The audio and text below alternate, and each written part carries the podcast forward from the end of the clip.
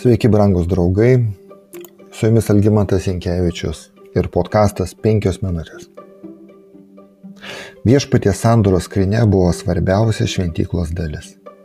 Tai buvo, jeigu taip galima pasakyti, medinė skrinė, išklota grino auksu, kurios dydis buvo apie 125 cm ilgio, 75 cm pločio ir tiek pat aukščio. Jos viduje buvo saugomas akmeninės sandoros plokštės su dešimčiai sakymų užrašytais viešpatės ranka. Iš viršaus ji buvo uždengta dangčiu, kuris buvo pagamintas iš aukso, ant kurio skulptūriškai buvo pavaizduoti kerubai, iškilę virš dangčio malonės sosto. Būtent virš jo tarp auksinių kerubų pasirodė viešpats kalbėdamas su Moze, o ten viešpats permaldojimo dieną pasirodė debesie vyriausiam kunigui kunigų 16 skyrius. Net kunigams nebuvo leista pažvelgti į sandoros skrynę. Jei, jei reikėdavo, pavyzdžiui, išnešti ją iš, iš šventyklos į kitą vietą, a, todėl kad padangtė turėtų būti perkelta į kitą vietą, kunigai turėjo nuimti a, tą šydą, kuris skirdavo šventąją nuo švenčiausiosios ir juo uždengti skrynę. Tik tada jie galėjo ją nešti naudodami specialias kartis. Mes apie tai randame skaičių ketvirtame skyriuje. Biblijoje pasakom apie tai, kad Elio sūnus nešė sandoros skrynę iš šventyklos tuo metu, kai jie nešė ją Ben Ezerą. Klausimas, ar jie ją uždengė ar ne? Labiausiai tikėtina, kad jie uždengė, nes kitaip negalėtų jos pernešti nei vieno žingsnio. Tokioje pačioje būsenoje skrinė turėjo būti pas filistinus ir tuo pačiu būdu ji turėjo patekti į Bet Šemešą.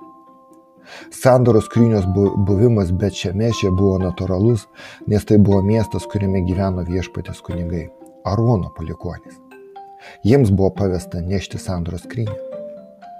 Tačiau užuot skrynę nu, nugabenę į šventyklą, jie ją pastatė žymiausioje savo miesto vietoje, o tai netrukus sukėlė liūdnas pasiekmes. Skrynios radimo džiaugsmas užleido, užleido vietą siaubui, nes kai kurie miestiečiai nukentėjo dėl savo smalsumo.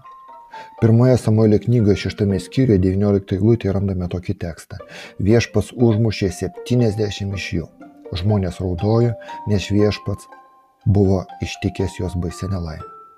Kai kurios vertimus mes rasime skirtingus nurodytus a, skaičius.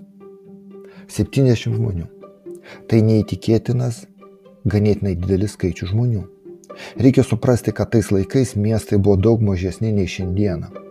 Pavyzdžiui, visoje Gideono kariuomenėje, kurią sudarė keturios Izraelio giminės, arba iš keturių Izraelio giminių, buvo tik 30 tūkstančių vyrų. Teisėjų septintas skyrius. Todėl sunku įsivaizduoti, kad bent Bet Šemešas, vienas iš 13 miestų, kuriame daugiausia gyveno kunigai, būtų didelis miestas.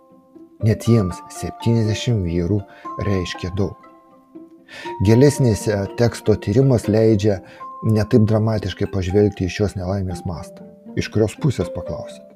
Žodis elef išverstas į tūkstantį teisėjų knygoje šeštoje, šeštame skyriuje 15 eilutė, kur Gideonas pasakoja, kad jo giminė Manasų giminė yra menkiausia, tiksliau tariant silpniausia, verčiama kaip gentis arba klanas, arba giminė lietuvių kalboje parašyta.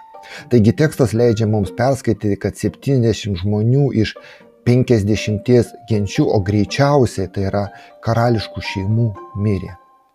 70 žmonių iš 50 kuniguškų šeimų mirė. Bet šiame šou vyrai klausė, kas gali stoti tarnauti viešpačiu šiam šventajam Dievui, pas ką jie eis iš mūsų. Ji išsiuntė pasiuntinius pas Kerjet Jerimų gyventojus pranešti, Filistinai sugražino viešpatės skrynę, ateikite ir pasimkite ją. Kerjet Jerimų žmonės atėjo, paėmė viešpatės skrynę ir nunešė į Abinadabo namus ant kalvos. Jo sūnų Elezarą jie pašventino rūpintis viešpaties skrinė. 1 Samuelio 6 skyrius. Daugeliu metų sandoros skrinė buvo Aminadabo privačiame name.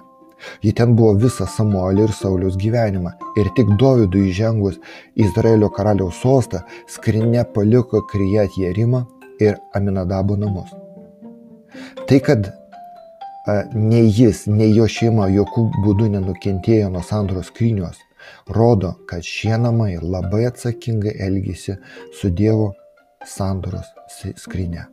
Brangus draugai, jų paklusnumas atėjo iš jų suvokimo, kad jie turi reikalą su gyvuoju, amžinuoju ir šventuoju Dievu. Su jumis buvo penkios minutės ir Algymantas Jankievičius.